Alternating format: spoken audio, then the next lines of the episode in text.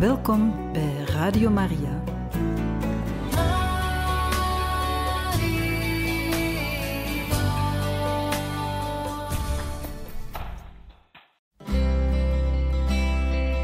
Welkom bij Boekat, een programma van Radio Maria.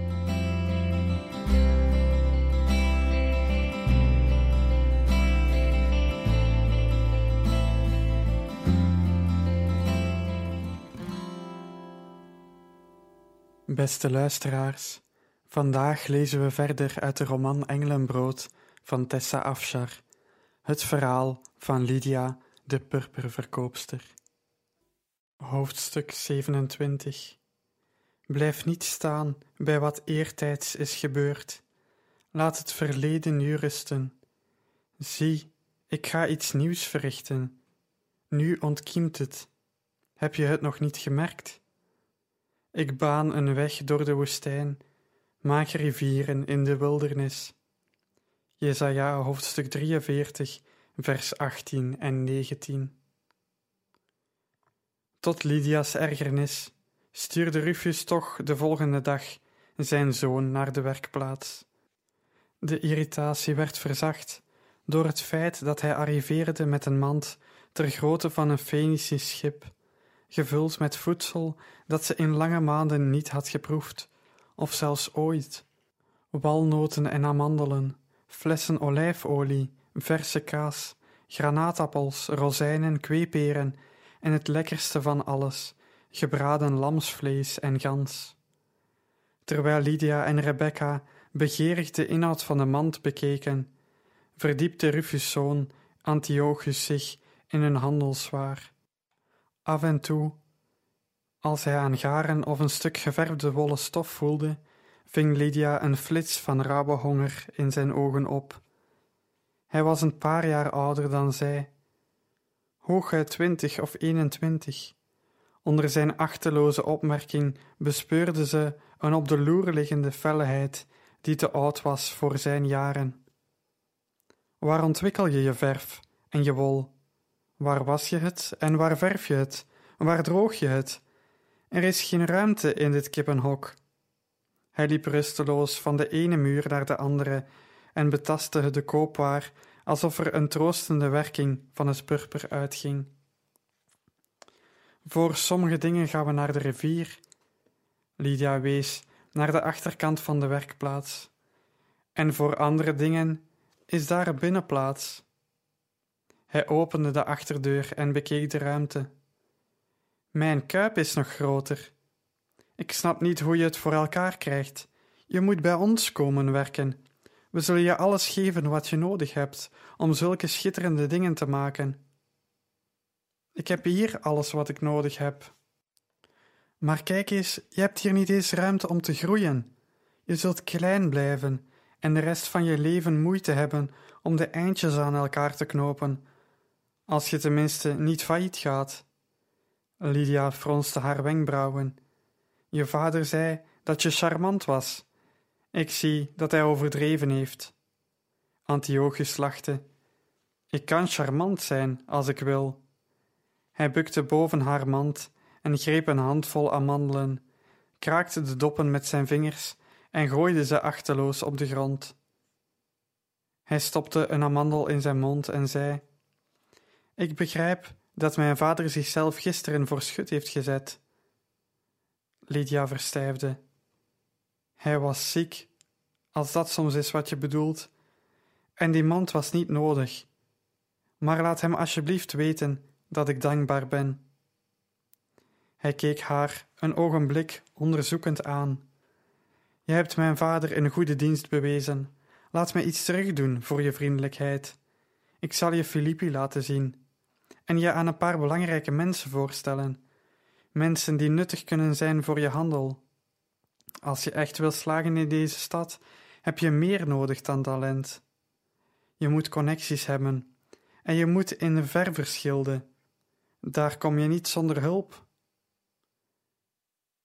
Waarom zou jij me willen helpen? Een onbekende voor jou en voor Filippi. Hij haalde zijn schouders op. Zoals ik al zei, je hebt mijn vader een goede dienst bewezen. Lydia perste haar lippen op elkaar. Je vader heeft je opgedragen, zei ze na een korte stilte. Wel, misschien. En dan nog, wil je mijn hulp of niet? Lydia wist dat het aanbod van onschatbare waarde kon zijn voor haar bedrijf, maar ze wenste dat Rufus zelf had aangeboden haar te begeleiden. Antiochus maakte haar ongemakkelijk, maar ja, dat deed elk jonge man. Mag Rebecca mee? Antiochus nam het stille meisje een ogenblik in zich op. Mij best. Morgen, ik kom in de ochtend. We zullen de werkplaats moeten sluiten als we allebei met hem meegaan, zei Rebecca, toen hij weg was en ze de amandeldoppen opveegde. Wat is er precies gebeurd met Rufus? Je zei dat hij ziek was en dat je hem hier een poosje hebt laten rusten. Maar hij doet alsof je zijn leven hebt gered. Lydia wuifde het weg. Hij maakt te veel van mijn hulp. Ik heb de deur op slot gedaan om zijn waardigheid te beschermen. Mannen zijn niet graag onwel in het openbaar. Ik denk dat hij vindt dat hij daarvoor bij mij in schuld staat. In elk geval is hij een aardige oude man. Misschien kan hij ons helpen. Antiochus arriveerde in de middag, zonder verontschuldiging voor het late tijdstip. Lydia had haar mooiste kleren aangetrokken, een tunica van donker purper dat de superieure verf die ze in haar werkplaats produceerde goed deed uitkomen, met een dunne mantel eromheen. Haar op één na beste tunica en nieuwe sjaal had ze aan Rebecca gegeven. Ze waren vroeg opgestaan en hadden elkaars haar opgemaakt met vlechten en krullen. Ze konden hun jeugdigheid niet verbergen, maar ze zagen er in elk geval achtenswaardiger uit. Waar gaan we heen? vroeg Lydia, die Antiochus energieke pas probeerde bij te houden. Naar de werkplaats van mijn vader. Je kunt evengoed daar beginnen. De andere werkplaatsen zijn niet ver. We komen vast wel een paar leden van de ververschilde tegen als we daar zijn. Rufus' werkplaats bevond zich aan een lange straat nabij de stadsmuren, op slechts een steenworp afstand van de Via Ignatia. Er zaten ijzeren roosters voor de ramen op de begane grond, en de gevel van het gebouw leek van marmer te zijn gemaakt.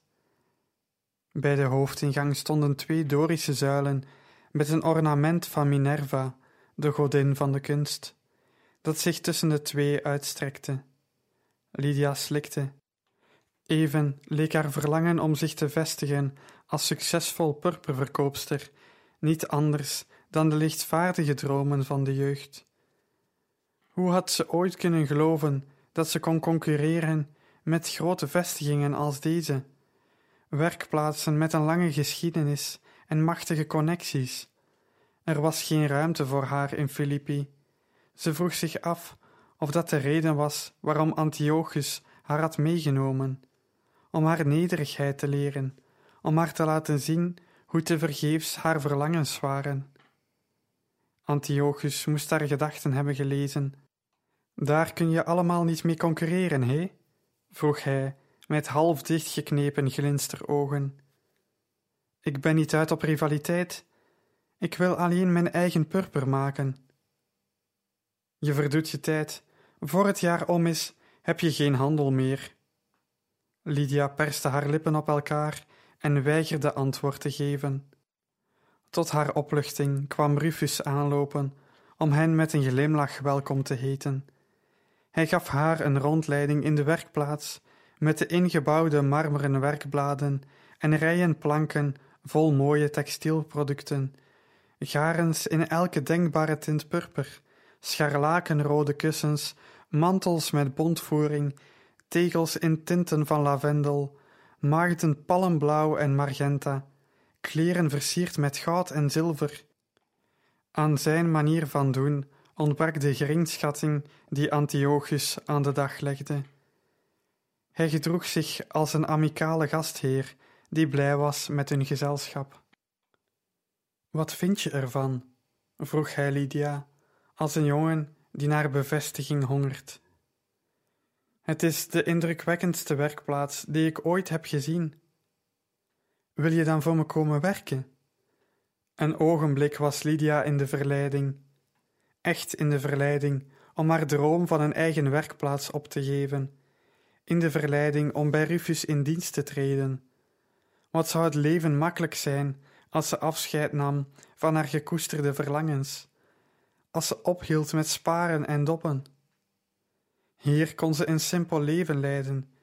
Ze kon toezicht houden op andere werkers. Haar handen zouden niet meer ruw en eeltig aanvoelen. Geen donkere kringen meer onder haar ogen van slapeloze nachten. Ze zag het gezicht van haar vader voor zich. Het wilde haar dat hij vaak vergat te kammen, de dikke wenkbrauwen doorschoten met wit, de ondeugende grijns die aanspoorde om te lachen, de armen die haar vasthielden als een anker en haar veiligheid boden te midden van iedere storm. Hij had jarenlang geploeterd en geworsteld om het beste purper te creëren. Hij had gevochten om te zorgen dat het recept niet in andere handen viel. Lydia had geprobeerd te slagen, niet alleen omwille van haarzelf. Ze had hem met haar stommiteiten van zijn droom beroofd. Ze zou hem niet nog eens beroven, voor haar eigen gemak. Dank u, meester Rufus, maar ik blijf toch voor mezelf werken. Hij zwaaide met een dikke vinger naar haar. Ik mag je wel. Je hebt een ruggengraat, Lydia, uit nergens, en je weet een geheim te bewaren. Een zeldzame eigenschap heb ik ontdekt. Kom, laat me je voorstellen aan een paar vrienden van me. Ze zullen hun wenkbrauwen optrekken en hatelijke opmerkingen maken over het feit dat je maar een tenger meisje bent, zonder echtgenoot of vader achter je. Maar trek je er niets van aan. Je moet hen voor je winnen, als je wilt slagen in Filippi. Je zult die nieuwe collega's nodig hebben. Ik zal de deur open doen. Het is aan jou om er doorheen te lopen. Verdien hun respect. Maak dat ze je ongebruikelijke omstandigheden vergeten. Pas op dat je me niet failliet laat gaan. Ze lachten allebei, maar onder het grapje voelde Lydia dat Rufus echt geloofde dat ze zou slagen, zodanig slagen dat ze een bedreiging voor hem kon vormen. Rufus' geloof in haar was een warm bad van hoop. Op weg naar buiten fluisterde hij tegen haar: Ik ben tot een conclusie gekomen over jou. Je komt uit Thyatira. Daar zijn ze beroemd om hun purperproductie. Lydia glimlachte gedwongen. In Thyatira was ze bekend als de dochter van een dief. Hoe onrechtvaardig die beschuldiging ook mocht zijn. Ze had nog steeds de macht om haar te beroven van deze fragiele nieuwe start. Misschien. Het is geen schande. Het is geen Filippi en al helemaal geen Rome. Maar het is niet zo erg. Je hoeft het niet te verbergen. Als ze haar verleden kon verbergen, zou ze het zeker doen. Ze hoopte dat de smerige leugens van Dione en Jason haar niet helemaal tot Macedonië zouden achtervolgen.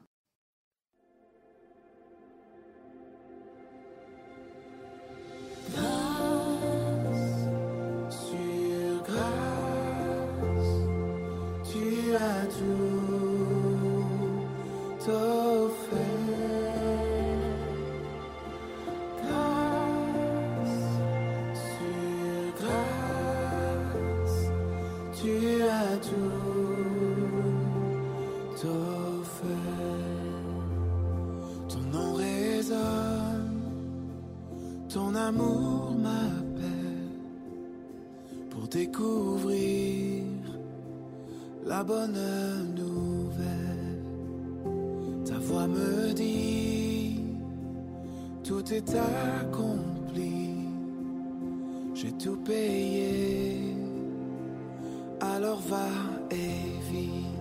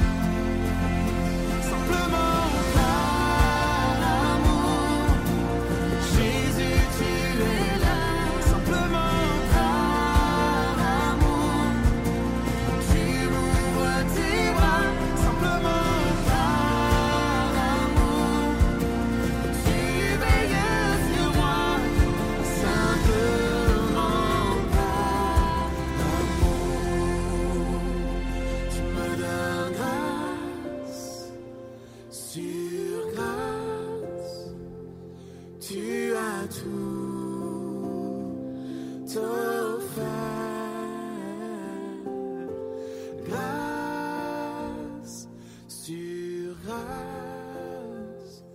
tu as tout offert. Hoofdstuk 28 Hij gaf een bevel aan de hoge wolken, en de deuren van de hemel gingen open. Manna om te eten regende op hen neer. Hij schonk hun het koren van de hemel. Zij aten het brood van de engelen. Psalm 78, vers 23 tot 25. Elf maanden nadat de werkplaats was geopend, wandelde Emilia binnen om de vruchten van haar investering te inspecteren. Zwaar leunend op een stok, haar schaarse haar en uitgezakte hals versierd met edelstenen, arriveerde ze met een gekwelde slaaf in haar kielzog. Het is niet erg groot, hè? zei ze met een opgetrokken wenkbrauw. Nee, patrones. Emilia's verstandige investering was optimaal gebruikt. Een grotere ruimte was onmogelijk geweest. Varus zou niet erg onder de indruk zijn van deze werkplaats. Wel, de omvang van mijn werkplaats zal hem misschien niet bekoren, maar het purper uit deze werkplaats wel. Je moet in elk geval ergens een marmeren plank kunnen installeren. Lydia keek naar de grond. Er was geld nog ruimte voor enkel een marmeren tegel, laat staan een hele plank. De oude dame snoof. Ik heb vanochtend je laatste betaling ontvangen. Je hebt dan misschien geen marmer in je werkplaats, maar je hebt je schuld aan mij afbetaald. En nog een maand te vroeg ook. Ik heb echt bewondering voor een vrouw die zich aan haar woord houdt. Dank u, patrones. En toch vind ik dat je een grotere werkplaats moet hebben. Met marmeren planken. Inderdaad, met marmeren planken. Dan kan ik Varus meebrengen en me vermaken ten koste van hem. Ik zal mijn best doen om u te behagen, patrones. Nou, doe er niet te lang over. Als op mijn leeftijd mijn verstand op de loop gaat, komt het niet meer terug. Lydia sloeg met een vlakke hand tegen haar voorhoofd. We kunnen nog steeds het lidmaatschap van de gilde niet betalen. Als we deel uitmaken van de verversgilde, zou ik onze wol voor een betere prijs kunnen kopen. Nu betaal ik meer dan andere ververs. Maar ik moet mijn waren voor dezelfde prijs verkopen als zij, anders raken we klanten kwijt. Met een rusteloze beweging stond ze op en beende naar de open deur. Het was al de hele dag grijs bewolkt. Wat een onoplosbare kwestie. Als ik geld wil sparen, moet ik lid worden van de gilde. Maar ik kan het mij niet veroorloven om lid te worden, tenzij ik meer geld spaar. Het is nu een jaar en we hebben nog geen doorbraak gemaakt. We zijn vastgelopen, Rebecca. Ik weet niet hoe ik deze hindernis moet overwinnen. Je hebt die lening aan Amelia afbetaald en een glimlach op haar gezicht gebracht toen je een mooie wollen tunica aan de betaling toevoegde. Je hebt je eigen werkplaats gevestigd, die, hoewel bescheiden, het beste purper in deze stad oplevert. En we hebben een dak boven ons hoofd, eten in onze buik. Dat noem ik niet vastlopen. Lydia haalde haar schouders op. We blijven amper in leven nadat ik de belastingen aan Rome heb betaald. Belastingen die mijn collega's, dankzij de voorrechten van hun burgerschap, niet hoeven te betalen. Blijft er weinig over. Het lidmaatschap van de gilde zou onze omstandigheden verbeteren. Zonder kunnen we niet groeien. Heb ik je ooit al over manna verteld? Lydia wendde zich tot haar vriendin. Nee, waarom? Kan hij misschien onze problemen oplossen? Wel nee, Manna is geen persoon. Rebecca strekte haar voeten om het zich makkelijker te maken terwijl ze meekrapwortel prepareerde voor een nieuw verfbad. Ik heb je verteld dat mijn volk vroeger als slaven werkte in Egypte. Na 400 jaar gevangenschap werd hun leven ondraaglijk.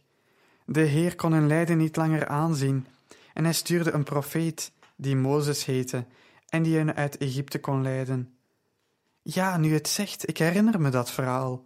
De tien plagen in Egypte, de hardvochtige farao die weigerde hen vrij te laten, de dood van de eerstgeboren zoons en die dramatische redding toen God de zee scheidde voor zijn volk. De Israëlieten bereikten veilig de andere kant, terwijl een leger van de farao werd bedolven door de golven. Rebecca knikte. Nadat ze ontsnapt waren, bleven ze veertig jaar in de woestijn.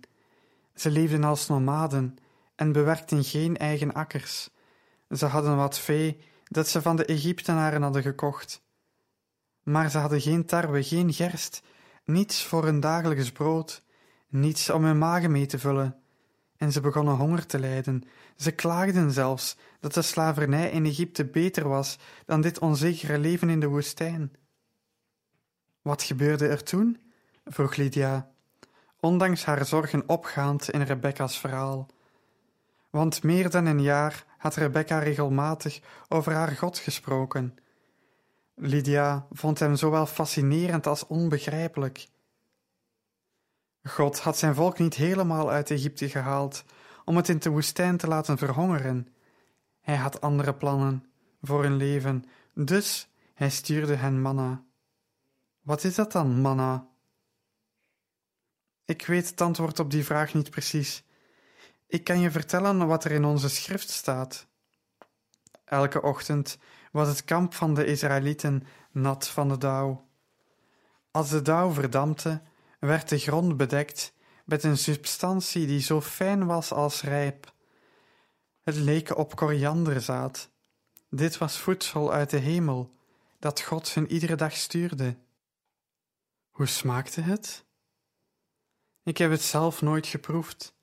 De Heer hield op met manna sturen toen Israël het beloofde land had veroverd. Ze zeggen dat het naar honingwafels smaakte. Ochtends dienden de gezinnen zoveel te verzamelen als ze voor één dag nodig hadden, niet meer, want God had beloofd de volgende ochtend de noodzakelijke hoeveelheid voor die dag te verschaffen. Sommige mensen vertrouwden niet op die belofte en verzamelden meer voor later. Tot in afschuw ontdekten ze dat het extra verzamelde manna verrotte en krioelde van de maden. Lydia trok haar neus op. Binnen één dag was het manna vergeven van de maden? Alleen het voedsel van wie Gods instructies niet opvolgde. Dus dat eten, dat manna, ging niet meer dan een paar uur mee voordat het bedierf. Ja en nee, eens per week, op de sabbat, die onze rustdag is, mochten de mensen geen werk doen, zelfs geen manna verzamelen. Op die dagen ging het manna een extra dag mee en konden ze hun buik vol eten van wat ze de ochtend ervoor hadden verzameld. Lydia keerde terug naar haar kruk en ging naast haar vriendin aan het werk met een berg meerkrapwortel. Ik snap waar het verhaal heen gaat. God wilde dat de mensen op Hem vertrouwden voor hun dagelijkse behoeften, erop vertrouwen dat Hij niet maar één keer voor hen zorgde, maar voortdurend. Je hebt de kern van de zaak begrepen. Wil je dan dat ik wacht op Gods manna voor de werkplaats? In de woestijn van het leven is dat je grootste daad van geloof. Erop vertrouwen dat God iedere dag zal voorzien. Een van onze dichters, die Asaf heette, noemde manna engelenbrood. Kun je het je voorstellen? Hij zei: Ze aten het brood van de engelen. Eten engelen dat manna? Ik weet niet of dat engelen iets eten. Ze zijn niet van vlees en bloed zoals wij, maar wezens van vuur en geest, die vrijelijk in de aanwezigheid van de Heer komen. Ik denk dat Asaf niet over het fysieke manna sprak, maar over waar het voor staat. Misschien is vertrouwen wel wat de honger van de engelen stilt. Vertrouwen op Gods trouw, op Zijn voorzienigheid en op Zijn goedheid. Misschien kan het verlangen van een engel alleen worden gestild als hij al zijn vertrouwen op God stelt. Hebben wij dat dan niet gemeen met de engelen? Lijden wij niet aan een honger die alleen gestild kan worden door geloof? In zekere zin moeten we leren engelenbrood te eten, elke dag vertrouwen dat God ons voldoende geeft. Niet alleen met eten, begrijp je, maar met alles: je bedrijf, je toekomst, je hart. Lydia gooide een meerkrapwortel achteloos terug op de hoop. Engelenbrood voor mijn hart, fluisterde ze. Als je wilt, kunnen we bidden en erom vragen. Bid jij maar, ik luister wel. Rebecca wuifde met haar hand. Je hebt me nu al meer dan een jaar horen bidden. Het wordt tijd dat je het zelf leert. Maar Rebecca, ik weet niet hoe. Ik ken de schrift niet uit mijn hoofd zoals jij. Je hoeft niet te bidden zoals ik, bid zoals jezelf. God zal blij zijn na al die jaren iets van je te horen. Lydia trok een gezicht. Ik ben niet eens een van zijn volk, ik hoor niet bij hem. Hij zal vast niet naar me luisteren. Rebecca boog zich naar voren. Er waren veel mensen buiten het geslacht van Abraham die uiteindelijk bij onze Heer gingen horen. Rachab, Rut, Naaman, allemaal heidenen, zoals jij. Bedenk eens, Lydia, wat er kan gebeuren als je hem je gebeten toevertrouwt, je hart. Misschien geeft hij je wel engelenbrood.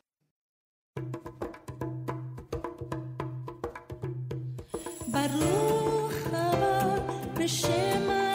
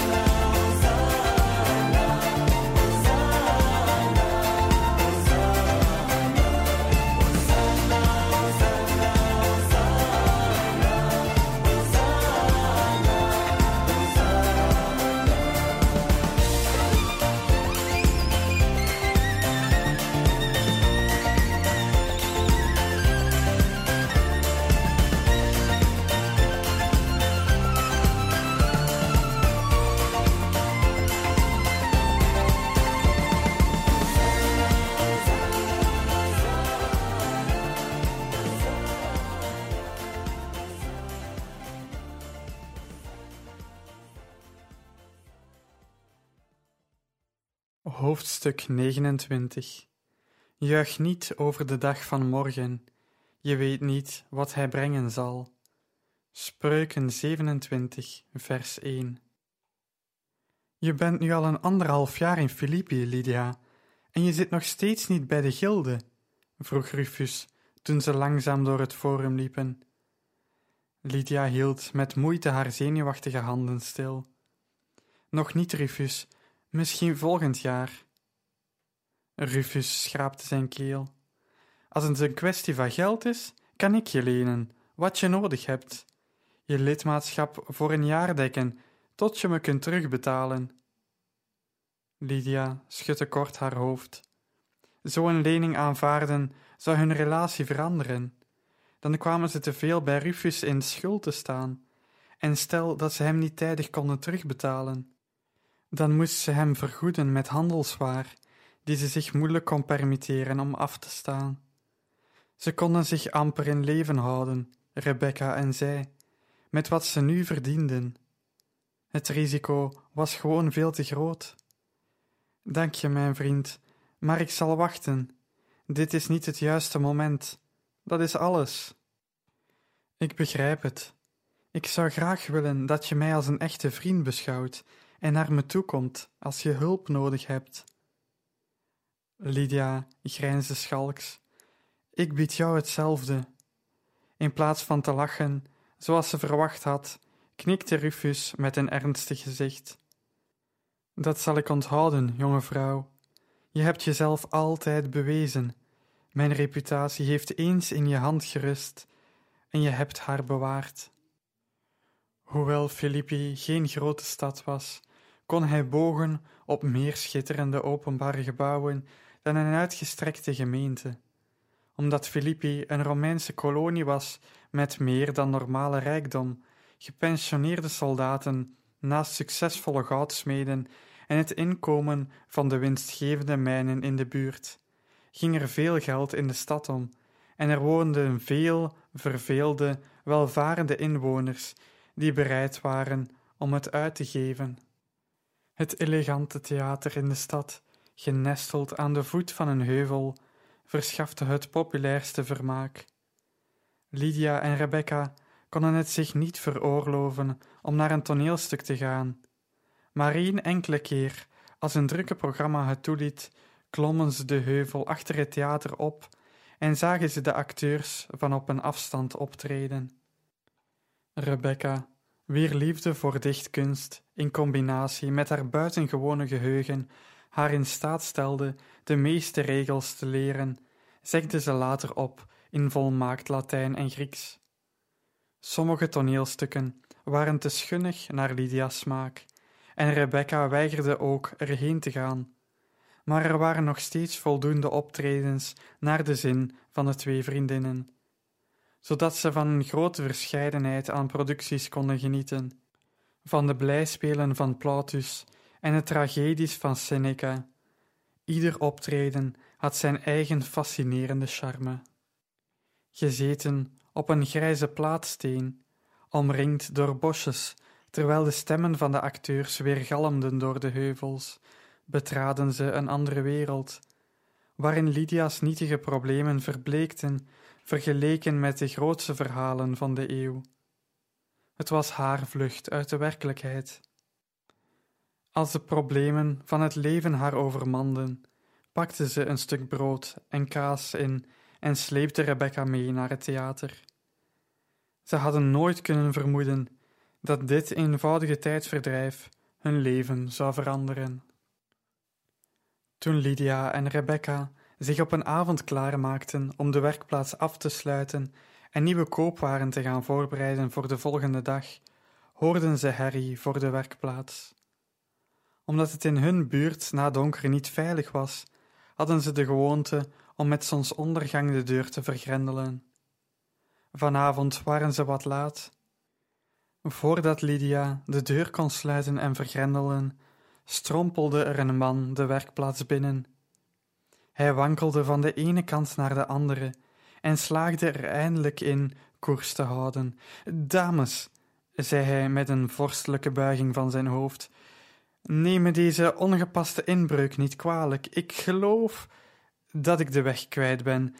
Dat bedoel ik zowel praktisch als metafysisch, maar het praktische is op dit moment wellicht van groter belang. Hij praatte met een dubbele tong, maar zijn stem had de volle, diepe resonantie niet verloren. Betoverend, had Lydia gedacht, toen ze hem de eerste keer in het theater hoorde. Ze stootte Rebecca aan met haar elleboog. Dat is Leonidas, de acteur. Tot uw dienst, zei de acteur met een buiging. Zijn knieën knikten.